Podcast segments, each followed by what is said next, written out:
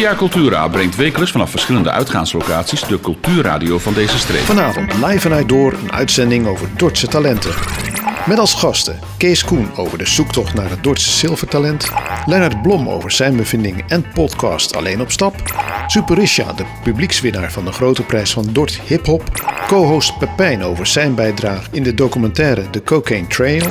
En de drie genomineerde Dordtse stadsdichters Kees Klok, Juno Rissema en Peter M. van der Linden. De live muziek komt van Gerard Laurens en Superisha.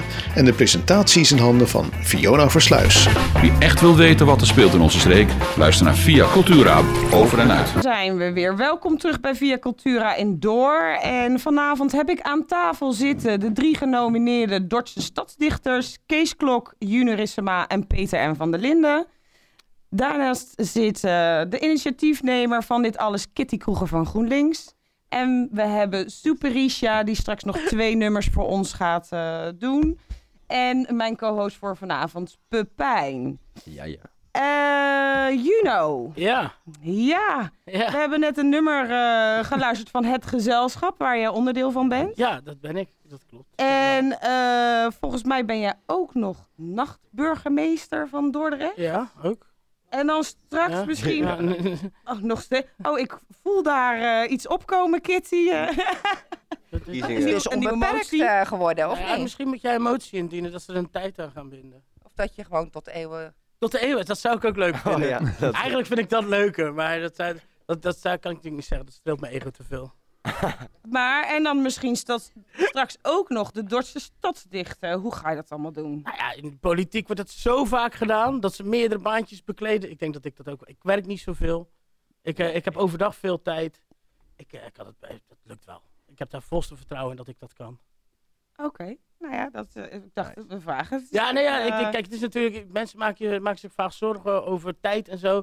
Maar ja, als je, als je gaat toeren, dan zit je vaak heel lang in een bus. Wat, wat, ik zit heel vaak te schrijven dan, vind ik heel fijn om te doen. Als je daar nog zit te wachten, heb je ook nog tijd om te schrijven. Als je in de studio zit, ben ik altijd aan het schrijven. Ik ben eigenlijk ja, gewoon bezig met schrijven nog. En soms heb ik zelfs, dan zit ik te ontbijten, rond een uur of twaalf, s middags. En dan, eh, dan, en dan eh, komt er in één keer inspiratie en dan ga je ook verder met schrijven. Het is gewoon iets wat je, ik denk dat het niet iets is wat je zomaar loslaat. En ik denk zeker niet, ja, misschien dat je, da, dat je heel erg met een actueel punt moet gaan, maar daar ben je sowieso mee bezig, toch? Het zijn, als je niet met actualiteiten bezig bent, dan ben je op dit moment met niks bezig, vrees ik.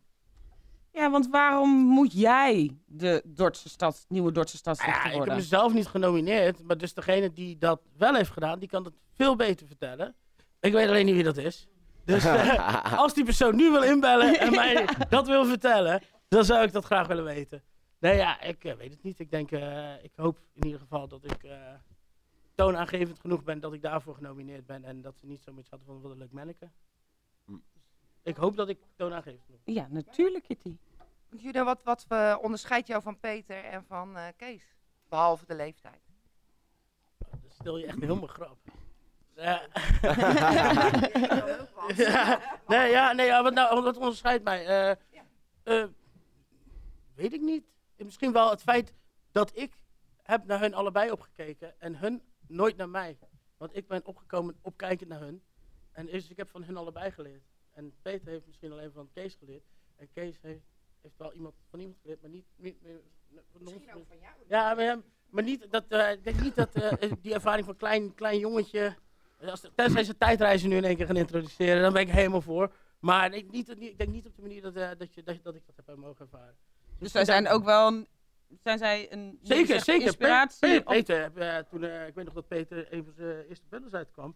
Toen heeft hij daar op een afterpartje met mijn vader, heeft hij nog met zijn videokamer heel verhaal zitten doen. Ja, ik, weet, ja, ik weet nog wel dat dat, eh, dat het mij wel heel erg geïnspireerd aan raakte hoor, jazeker. En wie zijn nog meer 2003. Broodje inspiratie? visgraat uh, gehad, zoals ja, dat. uh, ja, dat afterparty, uh, bibelo. en, Ja, Ja, ja, dat weet ik nog gewoon. Ik ben, daar, Daardoor ben ik wel weer op een eh, andere manier gaan schrijven dan dat ik daarvoor deed, dus zeker. En wie zijn nog meer inspiratiebronnen voor jou? Voor schrijven voor mij heel erg Dilder sowieso. Omdat hij, hij het lekker recht voor zijn raap. Eh, Hunter Thompson, Engels schrijven of Amerikaans schrijven. Eh, gewoon heel erg, wat die mij laat zich heel erg kennen door, door dingen op te nemen zoals ze gebeuren. En deel te worden van het probleem. Dus niet zozeer van, dan, Hij, hij, hij leeft erin op. Weet je wel, hij gaat naar een voetbalwedstrijd en hij is gelijk fan. 100%. En hij gaat gewoon met die fans mee zuipen en helemaal door. En dat vind ik helemaal fantastisch. Gewoon die hele in, in, ja, je inbaden in zo'n ervaring vind ik fantastisch. En natuurlijk uh, Pete Dorothy voor mij. Uh, een man die zo emotioneel geflipt is dat hij bijna niet in deze wereld kan leven. Vind ik mooi. Mooi, dankjewel. Juno, zou je wat een gedicht van jou aan ons willen voordragen, alsjeblieft? Oei.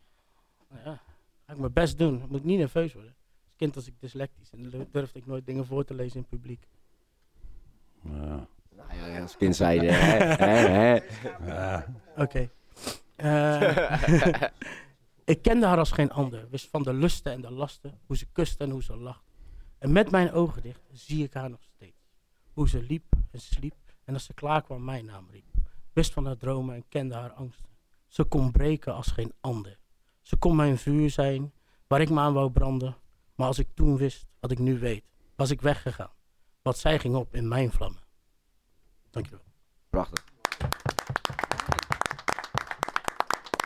Wanneer schreef je nou eigenlijk je eerste gedicht, Juno? Wanneer schreef ik mijn eerste gedicht? Ja. En kwam dat nou zo tot stand? Of was het gewoon dat je aan het nou schrijven was en dacht, dit is een dicht, gedicht? Nee, ja, ik, ik, ik, heb nog wel eentje thuis. Dat is een hele oude. Uh, ja, en het is, was meer gewoon zoiets van... Ik, ik zat op de middelbare school en ik was altijd een beetje uh, aan het schrijven. Maar gewoon meer met, zonder doel. En op een gegeven moment uh, ging ik gewoon... Ja, ik probeerde mijn gedachten op te schrijven. Maar het sloeg helemaal nergens op. Vaak echt, als ik dat oude gedicht ook teruglees, dan heb ik zoiets van... Dat was maar een klein raarmannetje. ja, Niks veranderd.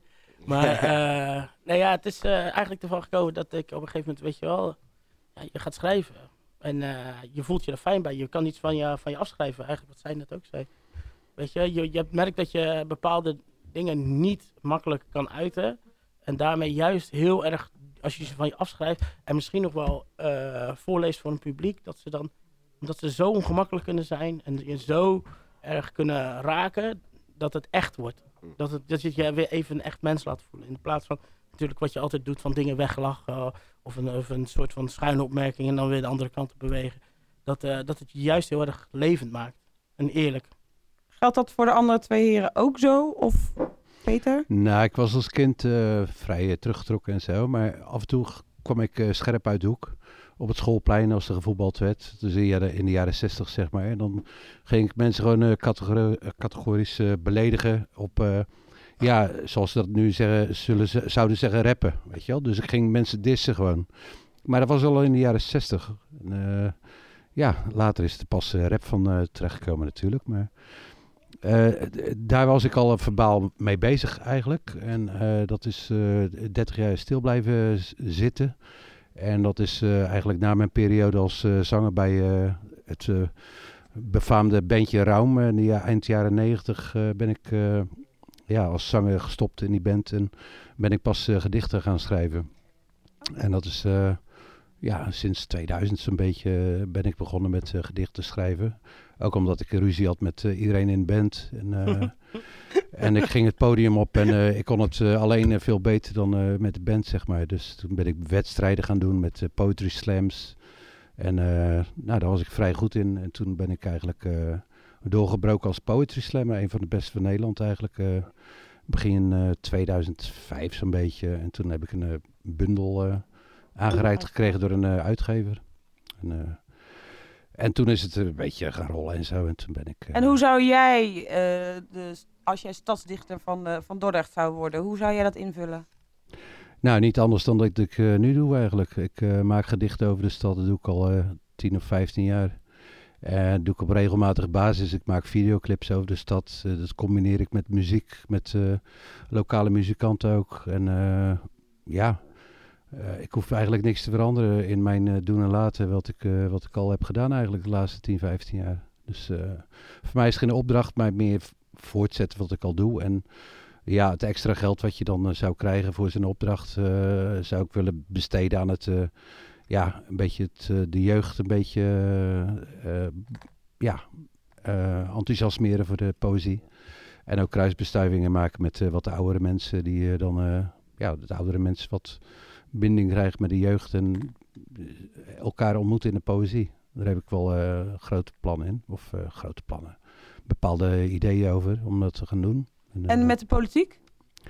Hoe is je verhouding daar nu mee? Of... Ja, nou ja, daar heb ik dan weinig mee te maken. Ik neem aan dat ik eh, af en toe een opdracht krijg van de, van de politiek om een gedicht te schrijven over een eh, tentoonstelling of, of een gebeurtenis. En dat, eh, ja, maar dat- ben je ook bereid om een kritisch geluid te laten horen over wat er gebeurt in de stad daarmee? Of... Nou, ik heb eens twee jaar geleden geloof ik, de- nee drie jaar geleden was dat, de put van Piet.